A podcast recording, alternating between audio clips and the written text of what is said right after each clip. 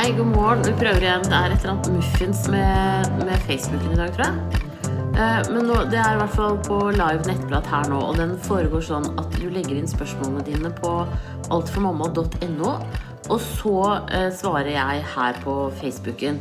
Det er for å unngå at personopplysninger knyttes sammen med helseopplysninger.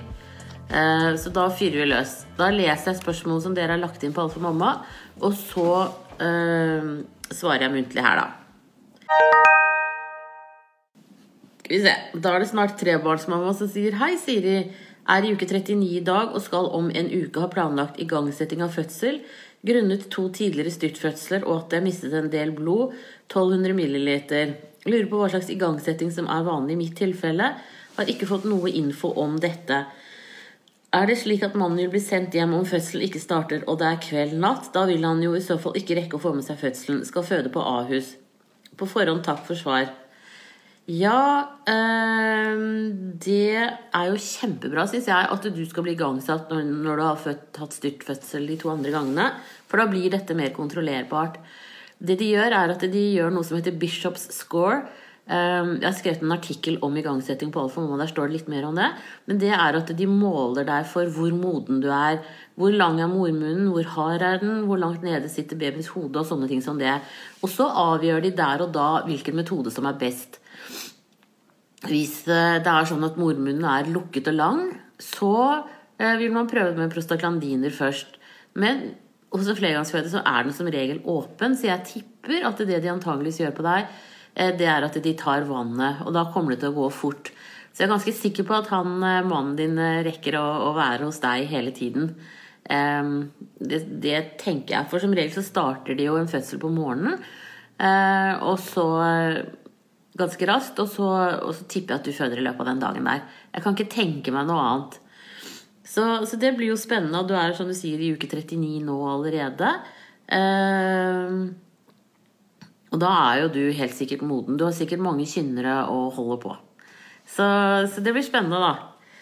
Uh, Alternativt så kan man også, skulle det dra utover kveld natt, så går det an å høre om det fins en ledig seng noe sted eh, til han mannen din.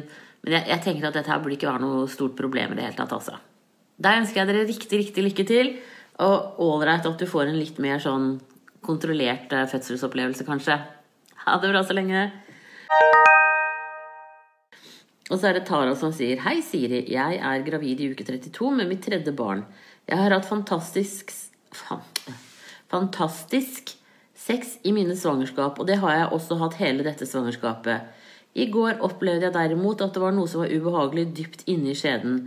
Jeg tok derfor to fingre inn for å kjenne etter hva som var vondt, og kjente da at jeg var litt øm ved livmorhalsen. Jeg kjente også at den var ganske myk og formet som to sammensnørpede lepper. Det er helt riktig. Der fikk jeg inn et par fingre. Jeg vil anta at dette betyr at jeg har to centimeters åpning.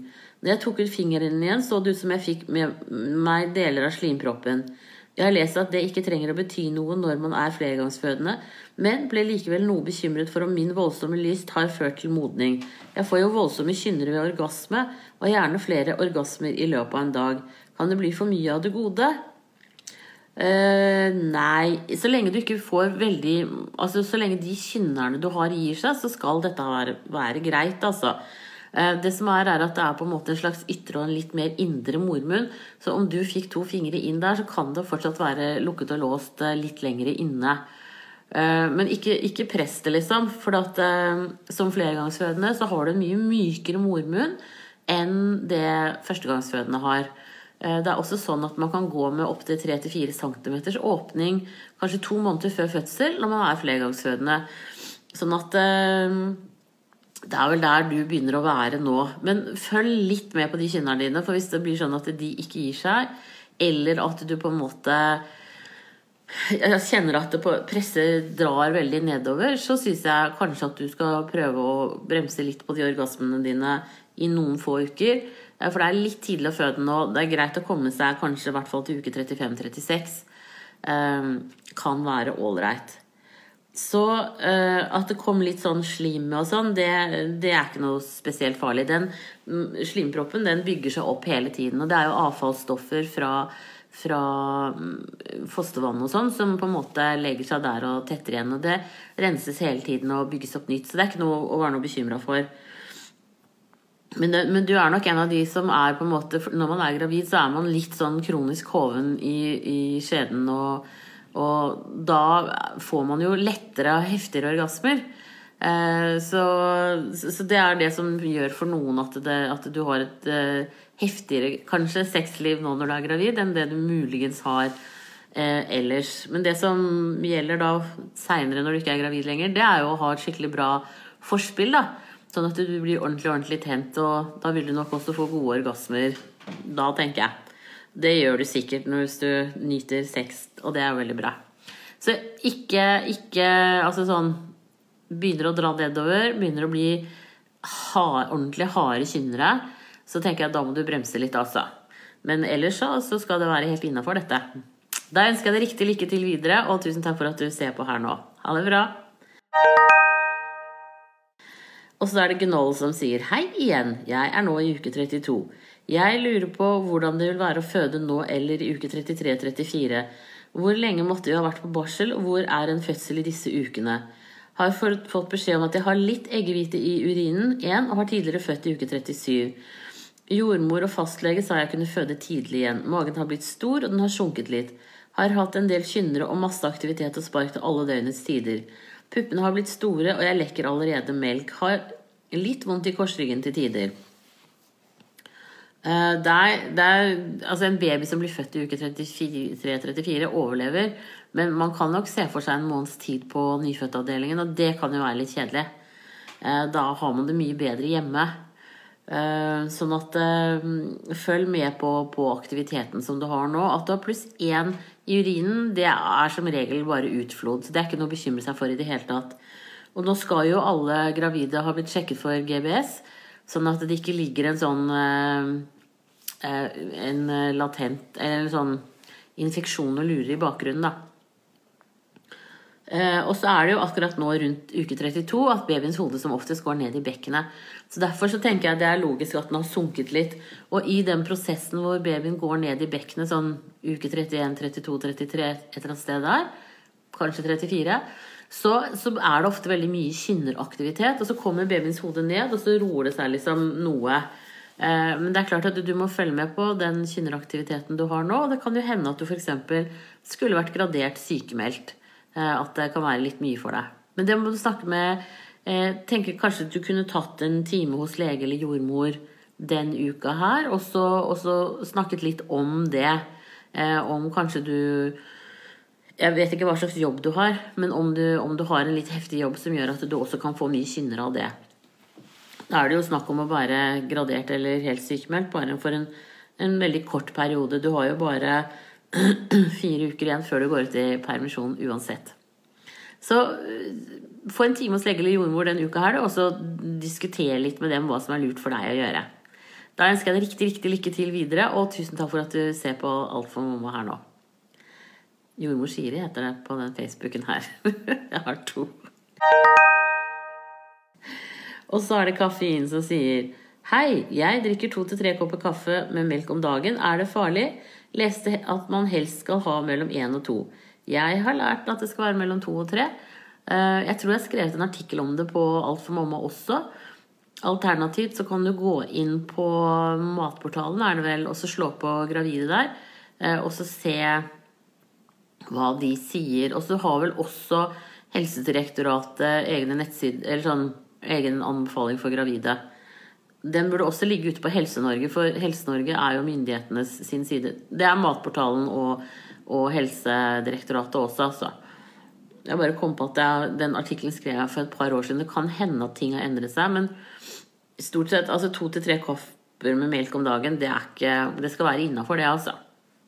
Da ønsker jeg deg riktig lykke til videre, og tusen takk for at du ser på her nå. Og så er det uke 33 som sier Hei, jeg sliter med å finne god sovestilling. Ligger jeg på høyre side, føler jeg at jeg ligger oppå barnet. Snur jeg meg til venstre, så føler jeg hun snur seg på den siden og spenner og herjer. Har hotellputer og BB Hugme, men ingen stilling er god for denne tunge magen, og spesielt ikke hoftene. Jeg sover utrolig dårlig, blir nesten lei meg. Det gjør vondt å snu seg, blir kvalmende og ligge på høyre side, og hvorfor vet jeg ikke. Hun spenner og holder på til langt på natt. Er koselig, men trenger søvn. Var på vektestimering, og hun veide i uke 32 to kilo. Så kjenner hun godt nå i uke 33. Har følelsen av å tisse hele tiden når hun driver og graver nedi med hodet. Hun ligger med hodet ned. Det at du føler at du må tisse, det er jo fordi at uh, urinblæra ligger mellom mm, huden din, mageskinnet ditt og babyen, sånn at du, alt kommer veldig an på press. da. Så det er nok helt logisk. Og det er klart at du er inne i en fase nå hvor veldig mange sliter med å sove. Uh, og det, er, det blir lange dager og netter. Det er det ingen tvil om, altså. Så det der med å nesten sitte i senga eh, Hvis du kan liksom få dandert deg, eller om du har en stresslest du kan legge deg heller, sånne ting, så kan det faktisk for noen være eh, en bedre løsning. Nå har det også kommet sånne ammestoler, har jeg sett. Eh, som man kanskje kan liksom strekke nærmest helt ut, og så kan du også bruke den til amming etterpå. Det kan man med stresslesser også. Hvis du bare passer på at du liksom armlene passer for dine armer og, og sånn. Så, så, sjekk litt om, om, det kan ha noe for seg. Så kan du jo også legge deg oppå en uh, dyne eller to. Det er klart at det blir litt glatt når du skal snu deg i sengen, men akkurat det, da blir du liggende litt mykere. Uh, at det kan være en fordel for deg. Eventuelt at du har et teppe oppi sengen under lakenet som også gjør det litt sånn mykere. Man blir, man, blir, jo helt sånn prinsessen på erten i den fasen her. Noen så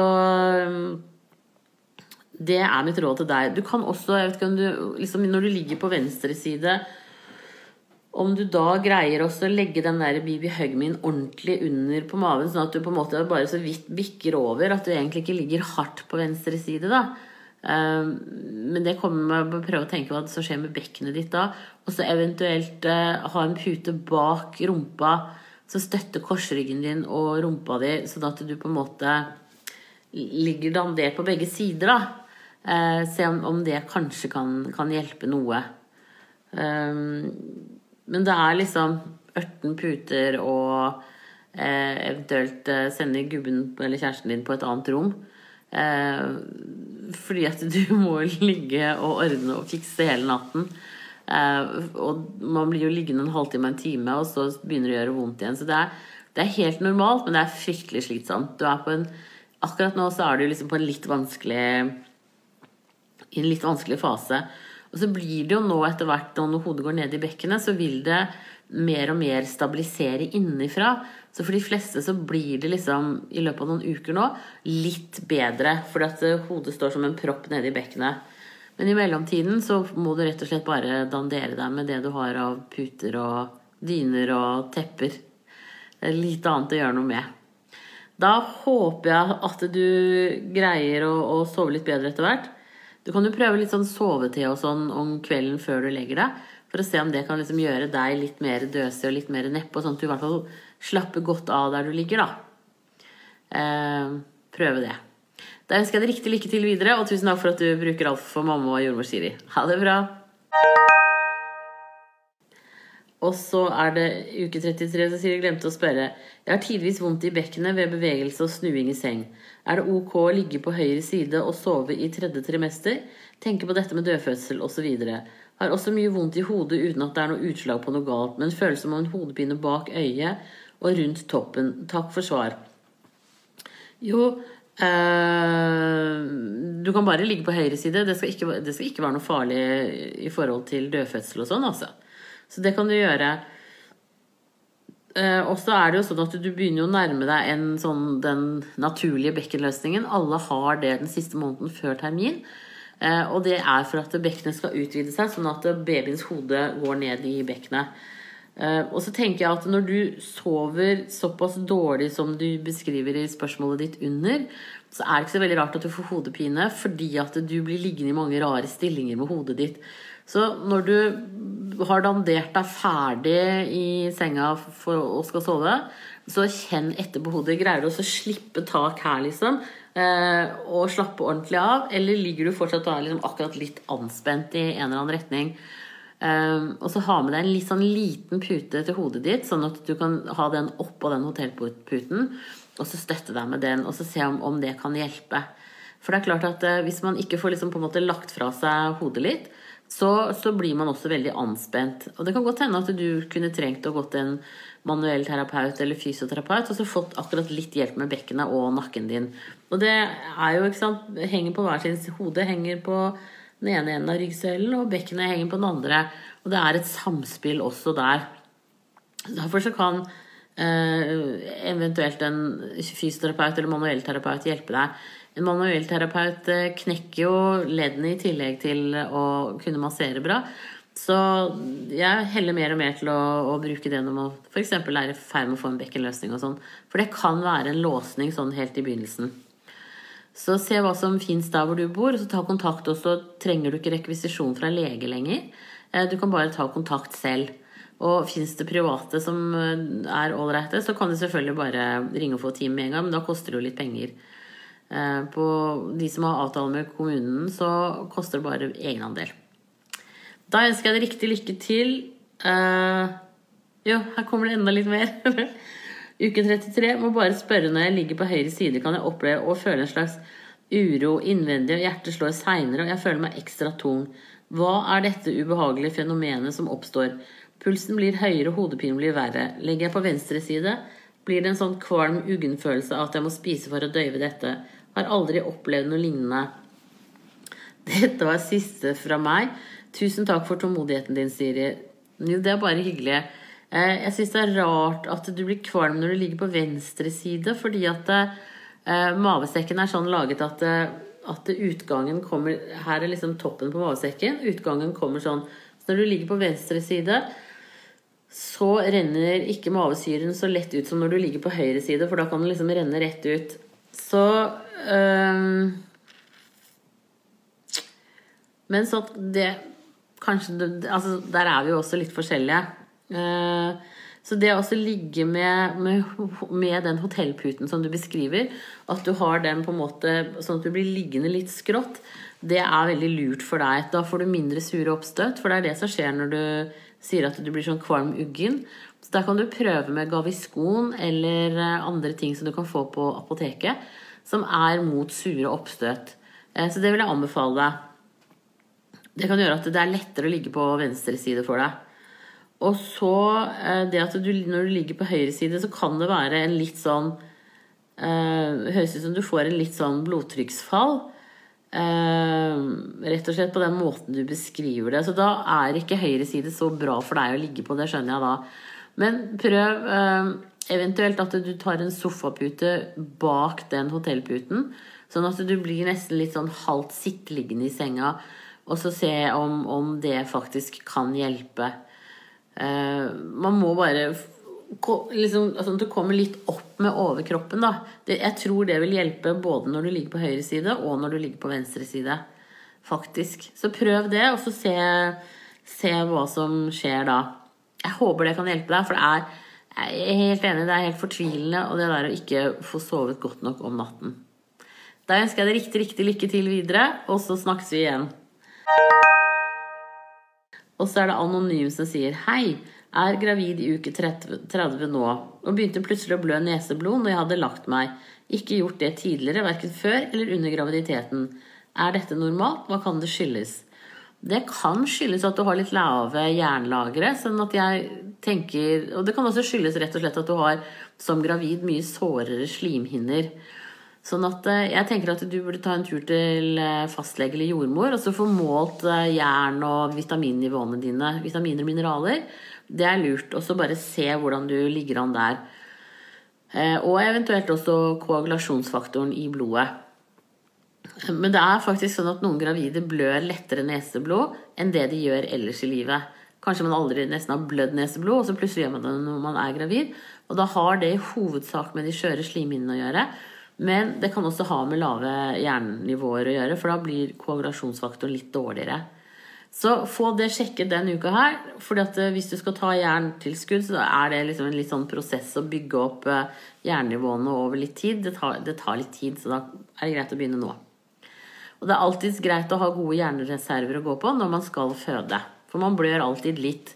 Opptil en halv liter er helt normalt å, å blø eh, når du er gravid. Men, men, da er det også greit å ha hjernereservene og alt dette på plass. Da ønsker jeg deg riktig lykke til videre, og tusen takk for at du ser på her nå. Og så er det bekymret som sier Hei, finnes det toksoplasmose i hestemøkk? Min datter går på ridning, og jeg antar ofte, hun ofte har med seg litt møkk under skoene annet. Smitter det eventuelt via sko med møkk som blir tatt med inn i gangen, og så videre på gulvet eventuelt? Smitter toksoplasmose via klær og dørhåndtak etc.? Jeg er gravid i uke 23 pluss 3. Hilsen bekymret. Nei, du trenger ikke å være noe bekymret for det i det hele tatt. Fordi at eh, toksoplasmose, det smitter for så vidt via møkk og sånn, men jeg mener at hestemøkk ikke er en av dem. Eh, og dessuten med helt vanlig, god håndhygiene, så er det ikke noe problem i det hele tatt. Vasker du gulv og sånn, så kan det være lurt å bruke hansker bare for å være på den sikre siden. For det gjelder jo at man kan jo ha tråkka i andre typer møkk. Så akkurat nå når du er gravid, så, så kan det være greit å, å bruke hansker da. Men ellers så tenker jeg eh, det går helt fint. Og toksoplasmose smitter ikke via klær og dørhåndtak. Eh, det er liksom Det jeg vet, så er det katt og sau som smitter direkte via avføringen. Som er liksom de typiske vertsdyrene. Um, og så er det selvfølgelig også vilt, da, som hjort. Kan faktisk også smitte. Så uh, rådene er god håndhygiene, vask hendene godt etterpå. Si til datteren din sett igjen skoene ut i gangen og at hun vasker hendene før hun går videre inn i huset. Bare sånn for å være helt sikker. Så, så er det en, en, veldig god uh, uh, Hva heter det Forebygging i forhold til toksoplasmose og sånne ting. Bakterier rent generelt. Men eh, jeg, jeg, burde ta og google det med Jeg har ikke hørt at det skal være i hestemøkk, altså. Da ønsker jeg deg riktig lykke til videre, og tusen takk for at du ser på her nå. Ha det bra! Og så er det stress som sier 'Jeg har det ikke så bra for tiden'. 'Jeg har mistet jobben, men har opparbeidet foreldrepenger'. Det har stresset meg enormt. Har òg en samboer som ikke hjelper mye til, eller viser omsorg og kjærlighet overfor meg eller babyen. Har en svigermor som klager mye og er kjempenegativ mot meg, og valget jeg tar, har et barn fra tidligere. Alt dette har gjort meg stresset og veldig trist, har vært lei meg ofte siden uke 20. Er nå i uke 31. Hvordan påvirker dette babyen? Nei, det påvirker ikke babyen din på noen som helst slags eh, negativ måte. Eh, vi har alle liksom gode og dårlige perioder i livet. Triste og litt mindre triste. Eh, og i løpet av en dag så skal vi jo gjennom et følelsesaspekter. Og det tenker jeg det må babyene venne seg til. Så jeg er liksom mer bekymra for deg, må jeg si. At hvis hvis det er sånn eh, at du bor så tett på hun svigermora di så, Og hun klager og er negativ, kjempenegativ mot deg, så tenker jeg liksom Det er en veldig dårlig posisjon å være i. Har, du, har dere noen mulighet for å flytte? Uh, kan du si til henne at du uh, bare rett og slett bare Skyld på gravidehormonene, og så bare eksploderer du litt på henne? Og så sier du at det der er veldig lite oppbyggende, at hun holder på å kritisere deg hele tiden. Nå venter du jo hennes barnebarn. Eh, og det er jo et barn som skal leve et helt langt liv og overleve henne. Og hvis hun vil ha et godt forhold til det barnebarnet, så er hun nødt til å slutte å negge på deg. Rett og slett. Da kjente jeg at hun ble litt sånn bestemt her. Livet er altfor kort til å, å drive og negge på hverandre sånn. og og holde på sånn. Det er ikke noe hyggelig i det hele tatt, og det blir man veldig nedbrutt av. Eh, så jeg tenker at eh, når hun begynner neste gang, så bare skift tema, eller si fra til henne at vet du hva, dette er ikke hyggelig sagt, dette trenger ikke jeg akkurat nå. Nå er jeg gravid, jeg er ustabil, du har mistet jobben din, det gjør deg også ustabil. Eh, du trenger aller minst en sånn sur svigermor. Og så får du si til han samboeren din at hvis ikke han involverer seg litt mer nå, så har du et sted du kan flytte til, så flytt, altså. Ehm, jeg tenker at det du er ikke i noen god, noen god situasjon akkurat der nå. Eh, så syns jeg du skal prøve å få time hos jordmor, og så eh, få en litt lengre prat, og så eventuelt ta kontakt med eh, sosialkontor eller noen som kan hjelpe deg eh, eventuelt eh, Altså bare sånn sjekk mulighetene dine, sånn at du føler at du har noe i ryggen når du, når du på en måte slår litt tilbake mot eh, kjæreste og, og svigermor her. For jeg tenker at du er nødt til å gjøre det for, for din egen del, for å ha ryggen litt fri. Um, du kan ikke hvis de, hvis de, skal holde på sånn og bygge deg ned Du trenger å bli bygget opp, du nå. Så, så tenker jeg at vet du hva Da må du se på andre muligheter. Være sikker på at du har andre muligheter i bakhånd. Og så sier du at vet du hva, hvis ikke dere skjerper dere, så, så er det over. Eh, da orker du ikke mer. For eh, jeg kan ikke skjønne at eh, hvis hun svigermora klager mye og er kjempenegativ, hun kommer ikke til å slutte med det hvis ikke du setter ned beinet. Eh, og han samboeren din kommer heller ikke til å gjøre noe mer hvis ikke du setter ned beinet der også. Så det må du faktisk gjøre. Bruk litt tid og tenke litt på det. Eh, bestill time hos jordmor nå og forklar hvordan du har det. Og så tar du det derfra. Men det å vite ofte, ofte det å vite at du har andre muligheter, er det som er nok. Det er ikke sikkert du behøver å gjøre noe, men da har du en annen utstråling. For du har en annen sikkerhet. Du er ikke avhengig av de to der. Eh, og da tenker jeg at, eh, at det, det, er med på å styrke deg. Eh, og det gir deg en annen utstråling som kan være viktig å ha i, i en situasjon som du er i nå. Det er ikke sikkert at du behøver å gjøre noe, men da veit du på en måte hva du har å gå på. Sånn tenker jeg, da.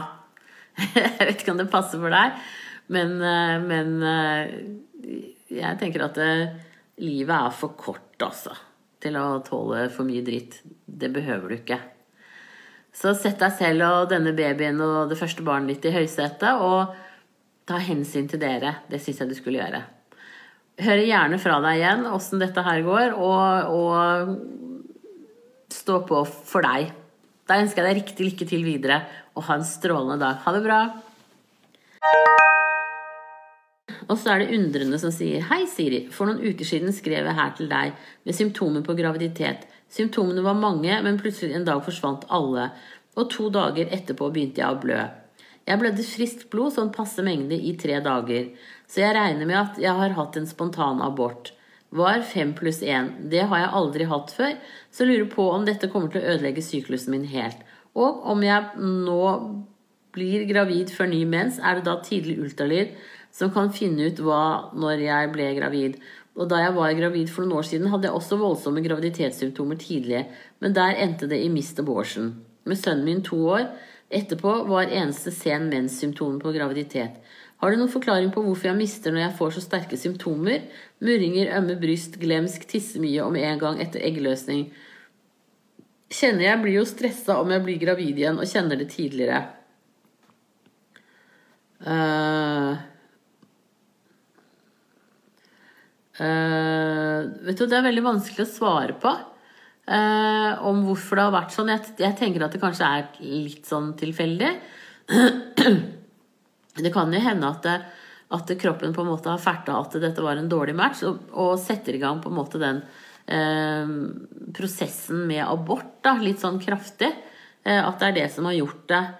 Eh, ellers så er det jo ikke så fryktelig farlig om, om du blir gravid nå før du får igjen neste mens. Men ta, det er jo blødning som blir den siste blødningen som blir den første dagen av din siste mens. Så det vil jo forskyve mensen din med i hvert fall én uke, og det er helt greit. Men ta utgangspunkt i, i første dag av siste mens, på den siste. Og så kan du prøve å beregne eggløsning og sånn i forhold til det. Det kan være litt sånn rotete nå første gangene, men det er ikke sikkert at det er det heller. Eh, og du behøver ikke nødvendigvis å gå til tidlig ultralyd, for eh, her er det snakk om pluss-minus én uke. Ikke veldig viktig. Så eh, bare fortsett livet ditt og prøv på nye barn. Og husk å ta gravide vitaminer. Det er kjempeviktig med Forlat og Jodi. Da ønsker jeg deg riktig lykke til videre, og tusen takk for at du bruker Alfa Mamma her. Og så er det Kari som sier Lurer på en del ting.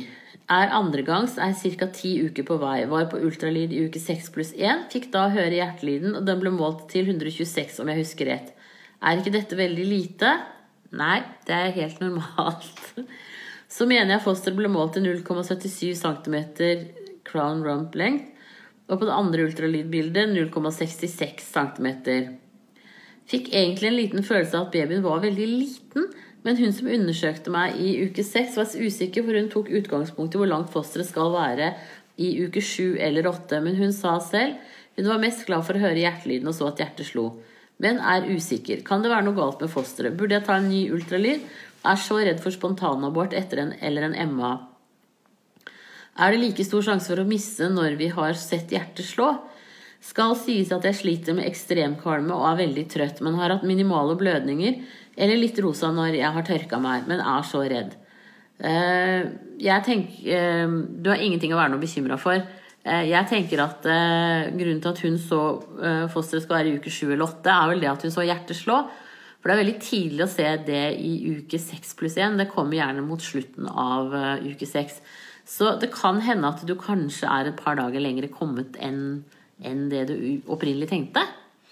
Men det har ingenting å, ikke viktig, har ingenting å si. Og, og, de målene kan jeg dessverre ikke svare på, for jeg kan ikke nok om de tidlige målene i det hele tatt. Så jeg tenker at så lenge den eh, som gjorde den ultralyden sa at, du, at dette her så veldig bra ut, så kan du trygt stole på det. Eh, og, og, som hun også sa, det viktigste er at hjertet slår. Eh, og, og, det er jeg helt enig i. Så jeg tenker du trenger ikke noe mer ultralyd, og dette her kan du bare stole på. Husk å Spise gravide vitaminer gjennom hele graviditeten, og kos deg masse. Um, er, jeg vil også si at det er uh, mye mindre sjanse nå for en MA eller SA når du har sett hjertet slå. Det er et veldig godt tegn. Så da ønsker jeg deg riktig lykke til videre, så du har en strålende dag. Ha det bra! Og så er det på overtid som sier Hei, har de siste fire-fem ukene hatt store mengder slim som kommer ut av skjeden, og trodde dette var slimproppen men den kan da umulig være så stor. Hadde en kraftig tegningsblødning for en uke siden og har hatt begynnende regelmessig rier ved tre anledninger nå. Syv minutter imellom, varighet ett minutt, men plutselig stopper det opp, gjerne etter typ syv timer. Babyen viser ingen tegn på å ville ut og driver bare og lurer oss. Er førstegangsfødende og tre dager på overtid med en ekstremt stor mage og lurer i grunnen på hvor lenge jeg må gå sånn før jeg eventuelt kan settes i gang. Skal på trivsels- og overtidskontroll, jordmor og lege på sykehuset på torsdag. På forhånd, takk.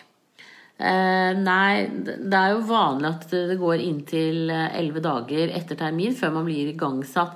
Men det er klart at når du holder på sånn til og fra sånn som du gjør nå, så tenker jeg at eh, det kan jo hende at de eventuelt setter deg i gang før. Eh, på den trivselskontrollen og sånn, så vil du også se på babyen med ultralyd. Eh, se hvordan den ligger og, og, sånne ting i forhold til nedgang i bekkenet ditt. Noen ganger så kan de ligge bitte lite grann skeivt eller sånne ting. Og da, da, begynner du på, og så kommer du liksom ikke helt i gang alltid. Men, men for hver gang du har disse rundene med kynnere, så blir du mer og mer moden. Så det er jo veldig positivt, da. Eh, og så tenker jeg også at de kommer, hvis du har en ekstremt stor mage hvis det er sånn at du ligger langt overfor eh, SF-målene og sånn, så, så, skal de også eventuelt eh, sette deg i gang, tenker jeg. Eh, men hvis det er du som syns at maven er stor, og, og kryssene på den kurven ligger innenfor normalen, så, så, er det en annen sak, da. Så her handler det om hvordan man selv opplever det, og hvordan det kanskje faktisk ser ut på papiret. Men hvis babyen din er stor, så skal det også igangsettes. Det vil jeg absolutt tro. Så på torsdag så får du, så får du alle gode svar. Så det er ålreit, da. Da ønsker jeg deg riktig lykke til med sluttinnspurten her. Og så må du ha en strålende dag. Ha det bra. Og så er det en nysgjerrig som sier Uh, hei, jeg pleier å ha regelmessig mens en syklus på 30 dager. Hver 25. pleier mensen å komme, men i august kom mensen tidlig. Den 18. august kom den. I september fikk jeg plutselig en blødning. Datoen var 16. september da det skjedde. Blødningen var først rosa tilblandet med slim, deretter en del friskt blod, og til slutt brunt blod i to dager. Mengden er, mens, mengden er mensenlignende, men noe mindre. Det stoppet å bløde den 19. Under blødningen hadde jeg noen smerter og mensmuringer. Dagene etter blødningen har jeg kjent på mensmuringer på begge sider av livmoren, noe økt utflod, oppblåst mage og ømme bryst, spesielt ømme brystvorter. Jeg lurer da så veldig på den blødningen jeg fikk den 16. september. Var det en festeblødning, eller var det en mens? Min mens pleier å vare i opptil fem dager. Blødningen jeg fikk, varte i to dager. I og med at jeg alltid har fått mens den 25., har jeg forventet at jeg skulle få mensen igjen den 25. september. Jeg har ennå per dags dag ikke fått mens. Jeg og mannen min er i prøvetid med å få barn. Kan jeg være gravid? Håper du kan hjelpe meg, og takk på forhånd. Jeg tenker jo at det kan høres ut som du er gravid nå, eh, så jeg syns du skal ta en test på morgenurin.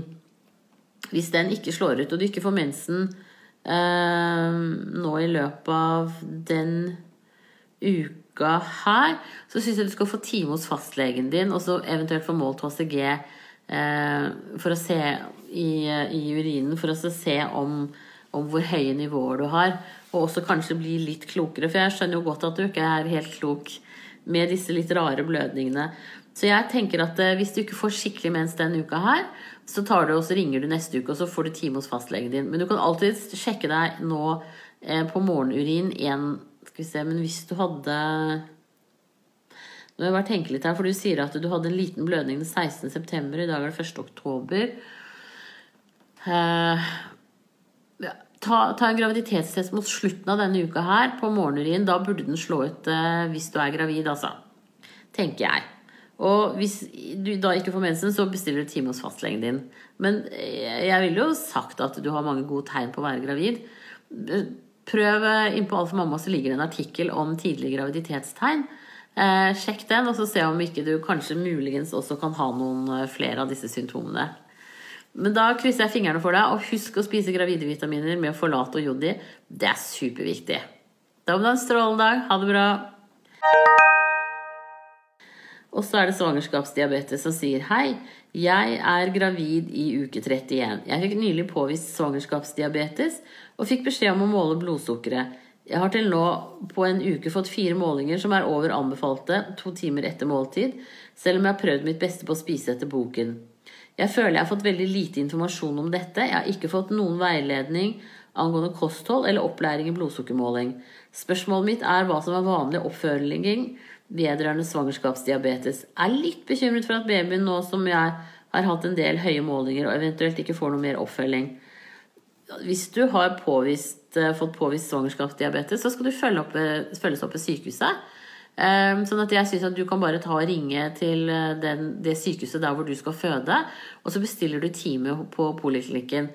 Hvis de sier at det er lege eller jordmor som må gjøre det, så bare si at eh, de har eh, på en måte ikke De følger deg jo ikke opp her. Og jeg er helt enig, du burde være bekymra. Ehm, du trenger den kostholdsveiledningen, og du trenger også å selvfølgelig kunne lære, altså, lære hvordan du skal ta de blodsukkermålingene, da. Kanskje, kanskje, det er litt feil. God knows. Uh, så jeg tenker at uh, uh, Ring til poliklinikken nå i dag. Hvis de sier at du må ha en rekvisisjon, så ringer du til fastlegen eller jordmora di. Så kan de sende inn den rekvisisjonen. Men ellers så tenker jeg at det er, det er bare for deg å bestille den timen, sånn at du kommer inn raskt der. Og da skal det også følges opp med ultralyd og vektestimering av babyen din og alt mulig sånn. Eh, og du skal f.eks. ikke gå på overtid. Eh, da skal du settes i gang til termin. Så det er mange faktorer her, og det, jeg tenker det er litt sånn sløvt at de ikke følger opp skikkelig på dette. Eh, for det er jo faktisk veldig viktig både for deg og babyen at ikke du utvikler en, en kraftig svangerskapsdiabetes. Så ring sykehuset nå, og så snakker du med dem, og så hjelper de deg videre. Mm, men flott at du passer på selv når de som skulle ha passet på deg, aldeles ikke gjør det. Det må jeg bare si. Ha en strålende dag. Ha det bra. Og så er det 52 dager til termin. Hei sann, Siri. Takk for denne flotte siden, og takk for valget man har å kunne skrive til en jordmor istedenfor å gjerne ta opp alt med legen sin, eller jordmor ansikt til ansikt. Ikke alt man lurer på er like lett å formidle verbalt. Det er full forståelse for. Tusen takk for at du liker tjenesten. Det er veldig hyggelig å høre. 52 dager igjen til termin, og så nærmer det seg permisjon før fødsel. Har vært sykemeldt nå i to uker med 100% og 50% Kjenner meg sliten i hode og kropp. Er tungt og mangler jern. Har jernlager på 18, men blodprosent på 13. Får B12 hver sjette uke pga. lavt der også. Gruer meg med fødsel med tanke på mangel på jern. Øh, og redd for å oppleve bivirkninger som sist, da jeg fødte i 2014 at jeg fikk hjertebank og svimmel uvel. Kan de gi intravenøst jerninfusjon på sykehuset? Har også et annet spørsmål. Skal sende inn fødepapirene i posten til sykehuset. Er jeg pliktig til å føre opp at jeg har tatt en abort i 2017? Føler lite for å skrive det inn i papirene da jeg tok det valget, og det var rett for, rett for meg den gangen. Så har ikke lyst til å legge ut om privatlivet mitt. Syns ikke det er relevant spørsmål om hvor mange aborter man har utført eller spontanaborter man har gått igjennom. Dette er en slags prosess der man jobber med seg selv, og trenger vel ikke å skrive inn dette i papirene sine. Nei, jeg har ikke skrevet det inn. Jeg vil fokusere på at jeg har et barn fra 2014 og venter mitt nummer to nå. I 2018. Vi gleder oss masse. Tusen hjertelig takk for svar, og ha en fin mandag. Eh, de ikke, når det gjelder den øh, blodprosenten din, så er den faktisk ganske bra. Så den er innafor. Eh, men det er sikkert lurt at du spiser jern nå frem til fødsel. Og så kan du spise C-vitaminer samtidig, for det øker opptaket av jern. Så f.eks. det å drikke juice til frokost og, og sånne ting som det, det er, det er bra. Og så er også mm, Kålrabi er veldig rik på jern. Det kan du knaske litt på hvis du orker. Eh, alle grønnsaker som er sterkt røde eller sterkt grønne, har ofte mye jern i seg. Så det å ha paprika på brødskiven og, og persille sånne ting, veldig lurt å gjøre altså, når du er lav på jern. Eh, også det at du ble svimmel og uvel på når du fødte sist, det kan vel så gjerne være at du eh, fikk et blodtrykksfall.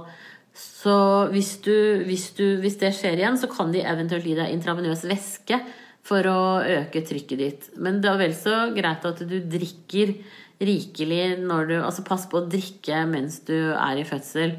Eh, ha noe stående, en flaske ved siden av, sånn at du småslurker litt hele tiden. Det er veldig lurt. Og så, når du skal sende inn fødselspapirene nå, så er du ikke pliktig til å, å, si at du har hatt en abort. Som du sier, det er din kropp, det er dine tanker, det er din opplevelse. Eh, du har blitt gravid igjen etterpå, og derfor så har det egentlig ingenting å si. Sånn rent praktisk. Så det tenker jeg det er helt greit. Eh, ikke noe å, å stresse noe som helst med. Jeg er helt enig med deg der. Da ønsker jeg deg riktig lykke til videre, og så snakkes vi kanskje igjen. Hvis du har flere spørsmål. Det er bare hyggelig. Ha en flott dag. Ha det bra. Og så er det Tina som sier Hei, venter mitt fjerde barn. Eller egentlig mitt femte, fordi jeg måtte ta en medisinsk senabort i fjor grunnet misdannelser. Fått oppfølging i dette svangerskapet med ekstra ultralyd, og alt ser normalt ut. Men det er det tøffeste svangerskapet jeg har hatt psykisk. Livredd for at noe skal gå galt. I dag er jeg en dag over termin, og ingen tegn til at noe skjer. Jeg er så redd for at noe skal skje med babyen i magen. Har time hos legen i dag. Mitt tredje barn kom syv dager over tiden. Så litt overtid var vel nesten å regne med. Men når skal man eventuelt på overtidskontroll, og hva skal til for å bli satt i gang? Vil helst at det skal skje selv, men kjenner psyken min blir verre og verre. Mer urolig for hver dag. Det tenker jeg at det kan du snakke med legen din om i dag. Og så skal du på en overtidskontroll eh, innen en uke eh, et, Skal vi se, nå var det du, hadde du termin i dag? Var det det det sto? Eh, eh skal vi se Ja, men altså sånn at legen henviser deg, tenker jeg er en investering for deg. Også fordi at du har den bakgrunnen med den medisinske aborten i fjor. Så er det kjekt for deg også å komme på en litt sånn tidlig overtidskontroll. Eh, og så kan du jo heller da, som du sier, du bør ikke bli satt i gang, men at de har gjort den kontrollen på deg. Så legen vil helt sikkert henvise deg videre i dag. Og du kunne jo prøvd å få det på fredag eller mandag, da. Sånn at, eh, at eh, eventuelt fredag, sånn at du slapp å liksom gå og ruge på dette her i hele helgen. Og ellers så får vi bare håpe at eh, dette nurket her har bestemt seg for å komme ut helt på egen hånd relativt i løpet av den nærmeste uken. Vi får krysse fingrene, men snakk med legen din om å bli henvist i dag, også, sånn at du har en dato å forholde deg til. Da ønsker jeg deg riktig lykke til, lykke til videre. Og så går det nok helt fint. De gjør som regel det. Men når du har den opplevelsen du har, så blir man mer engstelig. Det er det som på en måte skjer. Ha det bra! Og så er det Skal vi se Inger som sier Hei, er elleve uker på vei og klarte å bruke rivitive maskin mot blodomløp i føtter. Glemte meg ut. Skulle bare prøve fem minutter. Leste etterpå at det ikke var anbefalt i første trimester. Er dette skadelig for fosteret? Nei, det er det ikke. Det er bare det at du lettere får blodtrykksfall. Så hvis du ikke ble noe dårlig av det, så er det ikke noe problem. Ikke noe å være noe bekymra for i det hele tatt. Og så er det Martha som sier Hei, jeg har en baby på fire uker som den siste uken har begynt å gråte veldig hyppig og er generelt mer urolig. Han promper en del og gulper litt etter måltider. Virker som han har vondt i maven sin, og han ofte strekker bena opp. Og jeg mistenker kolikk siden han gråter ofte. Utenom det virker formen hans fin. Han spiser godt og har hyppige bæsjebleier. Virker også som han legger godt på seg. Her har veid han to ganger etter fødsel, og da har han lagt godt på seg. Jeg leser noen steder at man bør oppsøke lege med mistanke om kolikk for å utelukke sykdom. Min gutt virker i fin form, så jeg lurer på om jeg likevel bør kontakte lege eller helsestasjon for å få han sjekket. Takk for svar. Jeg tenker at uh, Du kan jo se det an bitte litt. Det kan hende at han har eh, Hvis du ser på den derre eh, filmen med, på, som vi har på YouTube med um, Ute i Imhoff, så hender det noen ganger når de blir født, at de får en liten sånn der vridning i nakken. Så jeg tenker at hvis det ikke gir seg i løpet av noen dager nå, så For det kan jo også være at det er et eller annet du har spist, men da burde det egentlig bare ha vart i noen dager. Eh, for det virker jo som at han har litt sånn gass i tarmen og sånn. Antagelig så ligger det helt innafor normalen og ikke noe å være noe bekymra for. Men for å gjøre det litt bedre for han, så kunne du tatt han til en som kan kjenne på nakken hans. Enten en kiropraktor som jobber med barn, eller en manuellterapeut, osteopat eller naprapat. Eh, eller en, en barnefysioterapeut. Eh, hvis du bor i Oslo-området, så er jo Ote Imhoff, eh, som holder til på Lillestrøm, da, en, en, god dame å gå til. Så går han og prøver litt sånne ting. eventuelt også når han er våken, så kan du la han ligge på maven, for da, da får han litt sånn press mot tarmen. Og det kan også gi han litt sånn fortgang i tarmen og hjelpe han sånn at han får luften ut. Men de er litt sånn av og på og kan være litt sånn prompete i perioder. Uh, men det er klart at blir han veldig fortvilt, så er det, er det jo det uh, Og er veldig urolig, så er det jo noe man på en måte kan sjekke litt. Så prøv, prøv å se litt avhengig av hvor du bor i landet, hvordan du bor, uh, om det er muligheter for en sånn som kan bare kjenne på nakken og ryggraden hans, altså kjenne hvordan, den, hvordan det er med den. Og la han ligge litt på maven. Det tror jeg også er veldig lurt. Da ønsker jeg deg riktig lykke til videre, og tusen takk for at du bruker denne tjenesten. Ha det bra! Og så er det Amalie som sier Hei, fant ut at jeg var gravid rett før helgen rundt uke 5-6 nå. Har et barn fra før av. Denne gangen, i motsetning til forrige, har jeg vært veldig kvalm, og det kommer bølger av kvalme kastet på meg døgnet rundt. Vanskelig å ha humør eller overskudd. Frustrerende. Noen gode råd? Har en krevende jobb som psykiatrisk sykepleier i kommunen. Ønsker ikke å involvere arbeidsgiver ennå. Bekymret for å miste barnet så tidlig. Opplevd Emma tidligere. Jeg syns du skal få en time hos eh, fastlege eller jordmor ganske raskt nå, og så snakke med dem eh, om hvordan du har det. Det kan jo hende at en halv sykemelding, bare for å redusere presset litt siden du er så kvalm, kunne vært noe. Um, og så er det jo liksom jeg, jeg, tror ikke det at du er så kvalm og kaster opp nødvendigvis er et negativt tegn.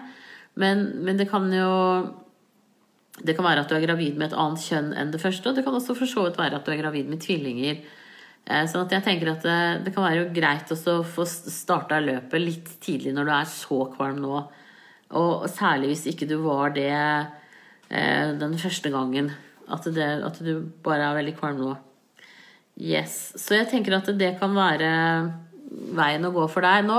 Få time hos eh, lege eller fast, nei, fastlege eller jordmor, og så legger dere en plan videre sammen. Eh, for det er klart at kaster opp hele tiden, så blir du fryktelig sliten, altså.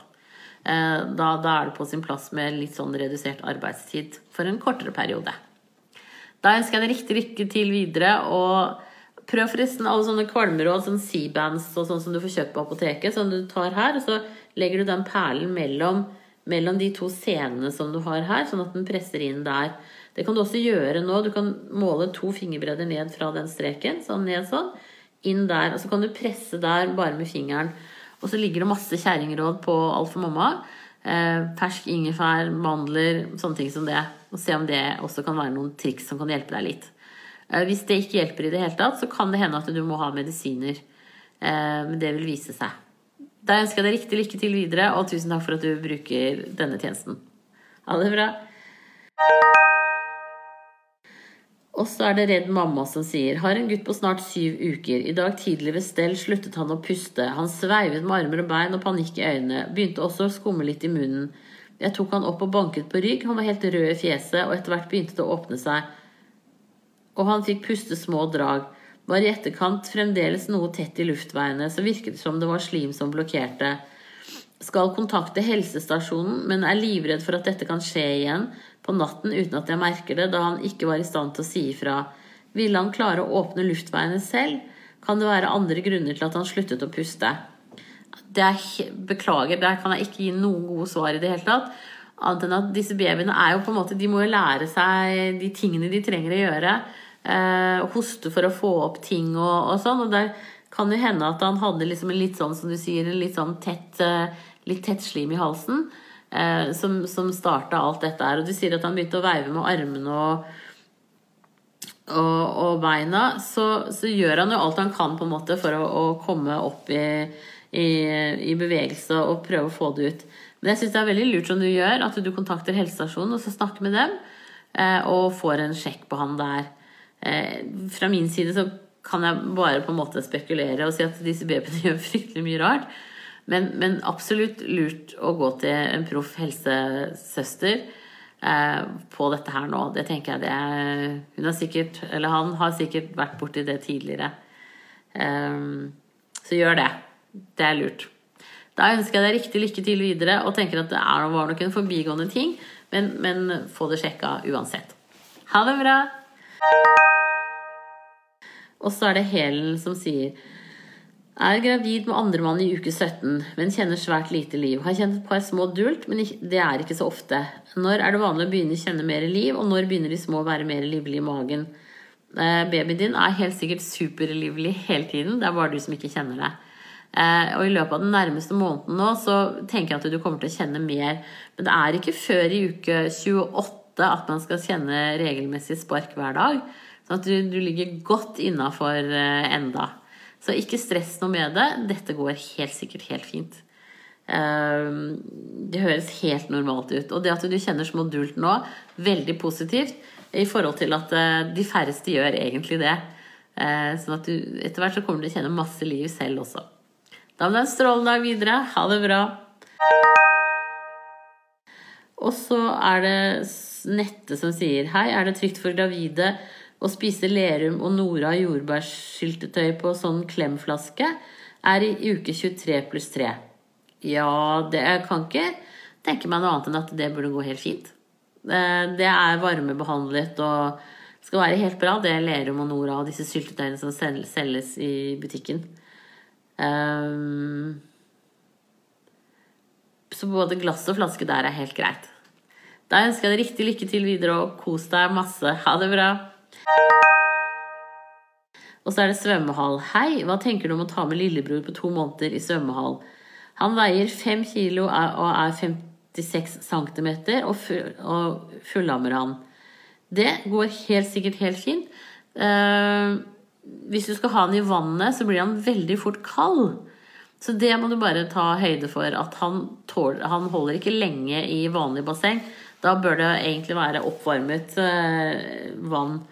Så eh, det kan jo hende at eh, han Med mindre dere er en sånn veldig, veldig badeglad familie, og dette kommer til å gjenta seg ukentlig, eh, så Så